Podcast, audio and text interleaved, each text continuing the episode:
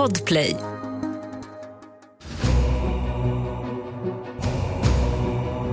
Krig, svält, farsoter, katastrofer och mord. Sveriges historia är full av hemskheter. Vissa händelser känner vi till medan andra fallit i glömska trots att de har haft en stor inverkan på vårt landskap, politik eller människorna. I podden Sveriges mörka minnen tar vi med er på en resa genom landet för att återupptäcka de här historiska hemskheterna som på gott och ont har förändrat Sveriges historia. I veckans avsnitt berättar vi historien om mannen som blev den ofrivilliga symbolen för orättvisor och förtryck som fick hela folkets missnöje mot sig och fick betala med sitt liv. En händelse som har kallats för den svenska vanärans botten. Mordet på Axel von Fersen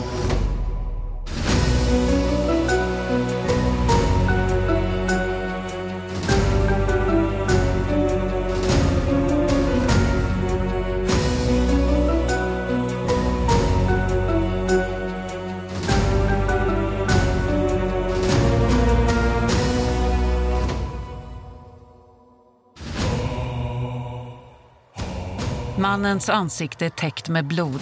Hans sargade kropp vittnar om ohyggliga smärtor. Men ändå är han helt tyst. Och våldet från folksamlingen runt om honom bara fortsätter.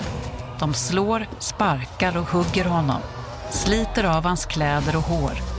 Och för varje slag tycks de bara bli mer och mer upprörda. Vi befinner oss i Stockholm år 1810. Den blodiga mannen heter Axel von Fersen och här drar han sitt sista andetag när en man på gatan slutligen ställer sig på honom och hoppar sönder hans bröstkorg. Vem var Axel von Fersen och hur hamnade han här?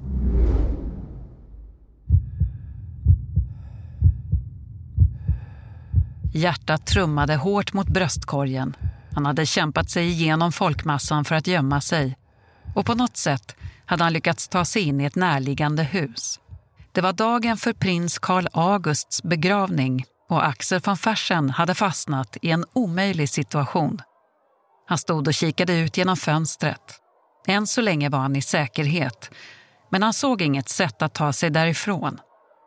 En tjänarinna i huset baddade hans blodiga sår i ansiktet och gav honom ett glas vatten.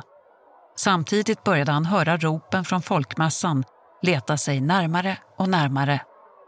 Hovmarskalken herr Silversparre, som skulle se till Axel von Fersens säkerhet, tog fortfarande situationen med lugn. Istället för att se till att huset omringades med vakter beordrade Silversparre endast en officer och åtta vakter att hålla koll på porten. Och det var inte på något sätt tillräckligt för att hålla undan den uppretade folksamlingen som nu hade förstått var von Fersen hade gömt sig och de försökte ta sig in. Axel von Fersen vädjade till herr Silversparre att hjälpa honom därifrån. Silversparre svarade inte. Istället öppnade han fönstret och ropade till folkmassan för att få dem att skingra sig. Folkmassan bara skrek av ilska. I samma stund lyckades en del av personerna ta sig in genom porten. De slet tag i Axel von Fersen och började med att slita av honom hans rock och dra honom i håret. Här hade det förmodligen fortfarande varit möjligt att skingra folksamlingen och rädda livet på honom. Men istället för att kalla in fler soldater fortsatte herr Silversparre att försöka diskutera med folksamlingen. Och det var såklart omöjligt.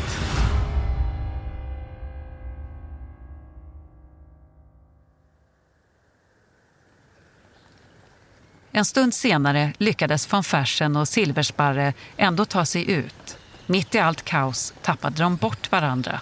Men Axel von Fersen lyckades ta sig till Riddarhustorget där Svea livgarde stod uppradade. Han sprang in mellan soldaterna som till en början försökte hjälpa honom genom att rikta sina vapen mot folkmassan. Men av någon anledning gav majoren order om att soldaterna skulle avbryta försöket och då såg det hopplöst ut för von Fersen. Kung Karl XIII hade dessutom förbjudit skarpa skott från att användas under prinsens begravning trots att han kände till hotbilden mot Axel von Fersen. Kände sig inte Axel von Fersen sviken av både herr Silversparre, som lovat honom säkerhet, och av kungen själv, som struntat i varningarna? Och kanske sviken av sig själv, som gett sig ut den dagen överhuvudtaget? Ja, vad han kände de där sista timmarna, det vet vi såklart inte. Men vi vet att det var en rad olika misstag som ledde fram till det som blev den brutala lynchningen den där junidagen. Men vi ska backa bandet rejält. Tillbaka till början. Adelsmannen Hans Axel von Fersen föddes den 4 september 1755 i Stockholm. Som son till grevinnan Hedvig Katarina de la Gardie och fältmarskalken Fredrik Axel von Fersen föds han direkt in till ett liv i lyx. Som 14-åring skickades han ut i Europa, som så många adelssöner gjorde på den tiden. Han studerade i Tyskland och fortsatte sen vidare till Turin, Paris och London där han studerade språk och vistades bland kungafamiljerna. År 1778, 23 år gammal, reste Axel tillbaka till Paris där han några år tidigare hade blivit löjtnant vid franska regementet och nu fick titeln uppgraderad till överste. Han gick på baler, roade sig, träffade kvinnor och umgicks med kungligheter. Han beskrivs som vacker och charmig, men också tystlåten och introvert. Framförallt beskrivs han som en riktig kvinnotjusare.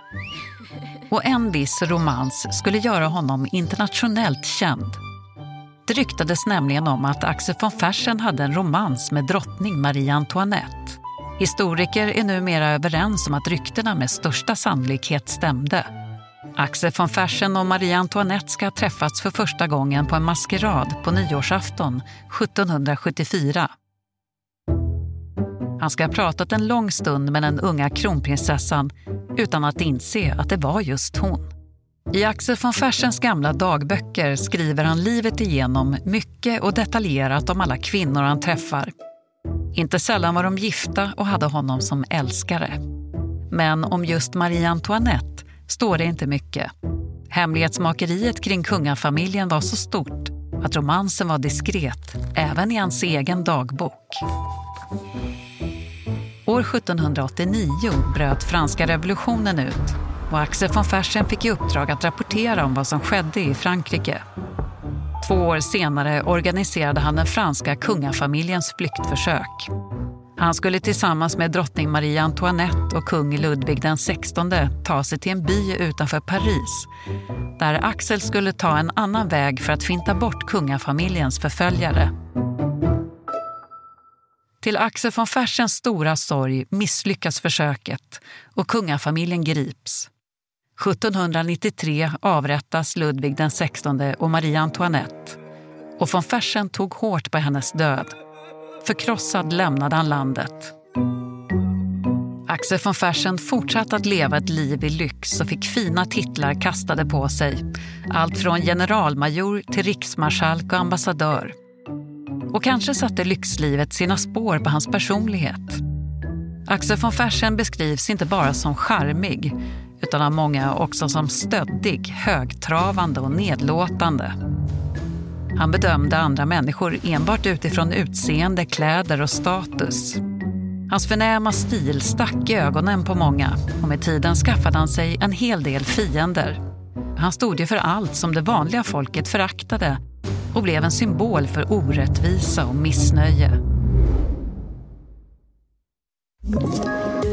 Poddtips från Podplay. I podden Något Kaiko garanterar östgötarna Brutti och jag, Davva, dig en stor dos skratt. Där följer jag pladask för köttätandet igen. Man är lite som en jävla vampyr. Man har fått lite blodsmak och då måste man ha mer. Udda spaningar, fängslande anekdoter och en och annan arg rant. Jag måste ha mitt kaffe på morgonen för annars är jag ingen trevlig människa. Då är du ingen trevlig människa, punkt. Något Kaiko, hör du på Podplay. Därför är gardinerna. Nu spolar vi fram igen.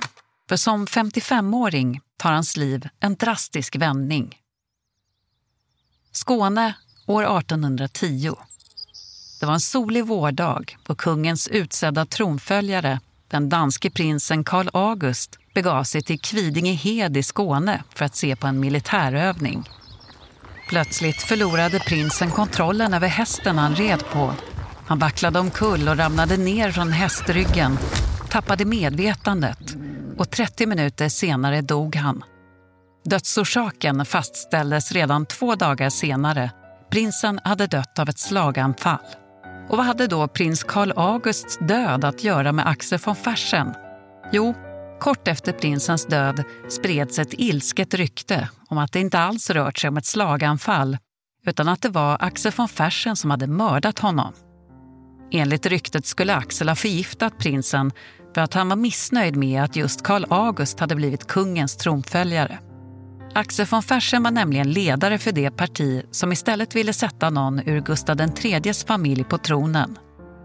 Ryktet spreds som en löpeld och även Axel von Fersens syster Sofie Piper får smaka på folkets ilska. Folket är övertygat om att det är syskonen som har giftmördat prinsen. Men Axel von Fersen är van vid att det skvallras om honom. Det är inte första gången illamenade rykten sprids om honom så han lägger ingen större vikt vid just det här ryktet. Låt hon prata. Även det här ska blåsa över ska ni se. Men den här gången ska det visa sig att det som startat som skitsnack och skvaller ska leda till något helt annat. Och resultatet av obduktionen av prinsen spelade ingen roll. Man tyckte att det inte gick att lita på läkaren som utfört den eftersom han också var läkare till syskonen von Fersen. Och efter det här spårar allt ur.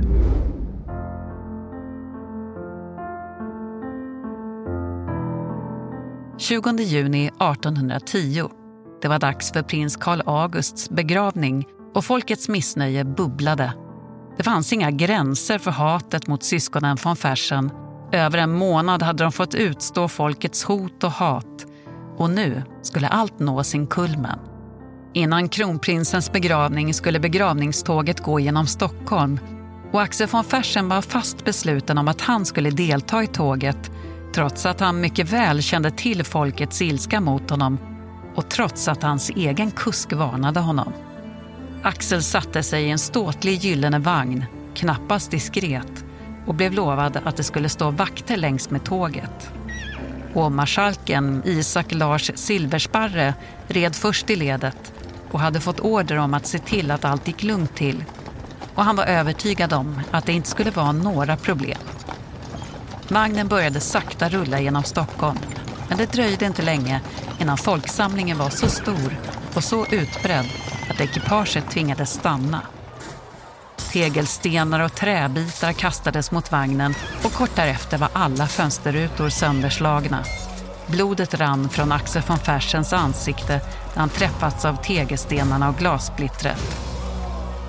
På något sätt lyckades han ta sig ur vagnen och med hjälp av silversparre fly folksamlingen in till ett hus i närheten.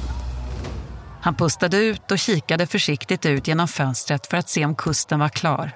Hjärtat slog hårt och han var uppjagad. Hur skulle han ta sig förbi folksamlingen? Axel von Fersen fick sina sår baddade i huset och som vi vet försökte herr Silversparre till en början skingra folkmassan som växte sig allt större utanför huset. Men hans insatser var inte tillräckliga och folksamlingen lyckades få tag på von Fersen. Några fler flyktförsök gjordes, men folket fick hela tiden tag på honom igen och när till sist även livgardet svek honom fanns det inga gränser för det våld som utspelade sig. Efter slag, sparkar, knivhugg och besinningslöst våld ligger von Fersen slutligen naken, blodig och trasig på marken. Folksamlingen ryckte bort det sista hår som fanns kvar på hans huvud och släpade runt den trasiga kroppen. Under hela misshandeln, som ska ha pågått i en och en halv timme, klagade han inte en enda gång. Och när folkmassan fortsatte att anklaga honom för kronprinsens död svarade han helt lugnt. Ni misstar er. Jag är ingen brottsling. Och här är vi tillbaka i stunden som vi startade historien i. Stunden där Axel von Fersens bröstkorg krasar under fötterna av en man som hoppar på honom och hans liv slutligen släcks. Blodet bubblar ur hans mun och han drar ett sista väsande andetag. Men folksamlingen var inte nöjd. Det dröjde fram till småtimmarna tills de till slut skingrades. Fler skulle få möta deras våld och näst på listan var Axel von Fersens syster Sofie Piper. Men utklädd till piga lyckades hon fly från det Fersenska palatset oskadd. Hon klarade sig undan folkets ilska.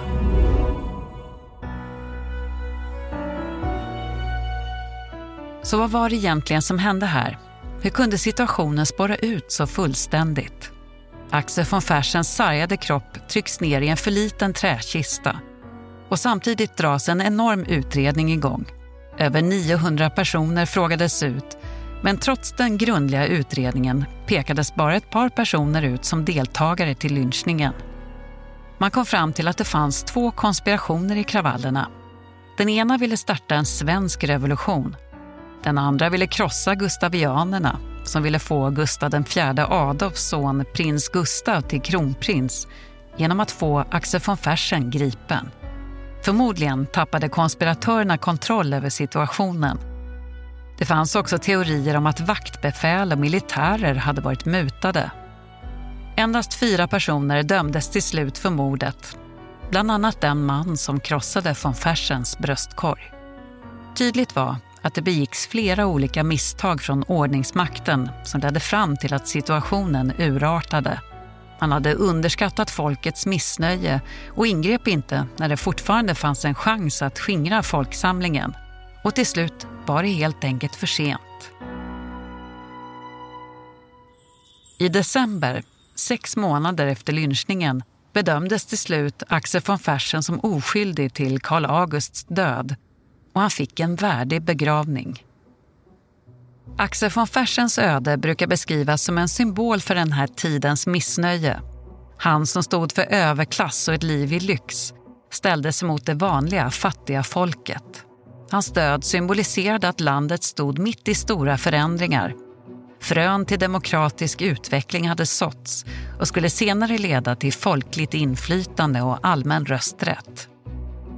Ryktena om Axel von Fersens romans med Marie Antoinette men framförallt det våldsamma och häpnadsväckande sätt hans liv avslutades på gör att han är en av få svenskar från den här tiden som är internationellt känd. Och lynchningen av Axel von Fersen saknar motstycke i både svensk och internationell historia och därför beskrivs händelsen just som den svenska vanärans botten. Du har lyssnat på Sveriges mörka minnen, en podcast producerad av Podplay. Manus skrevs av Ayla Karlsson, ljudläggning och musik av Kristoffer Folin och producent är Oliver Bergman. Jag som berättar heter Katarina Evers. Podplay, en del av Power Media ett poddtips från Podplay. I podden Något Kaiko garanterar östgötarna Brutti och jag, Davva, dig en stor dos skratt. Där följer jag pladask för köttätandet igen. Man är lite som en jävla vampyr. Man har fått lite blodsmak och då måste man ha mer. Udda spaningar, fängslande anekdoter och en och annan arg rant. Jag måste ha mitt kaffe på morgonen för annars är jag ingen trevlig människa. Då är du ingen trevlig människa, punkt. Något Kaiko, hör du på Podplay. Därför är gardinerna.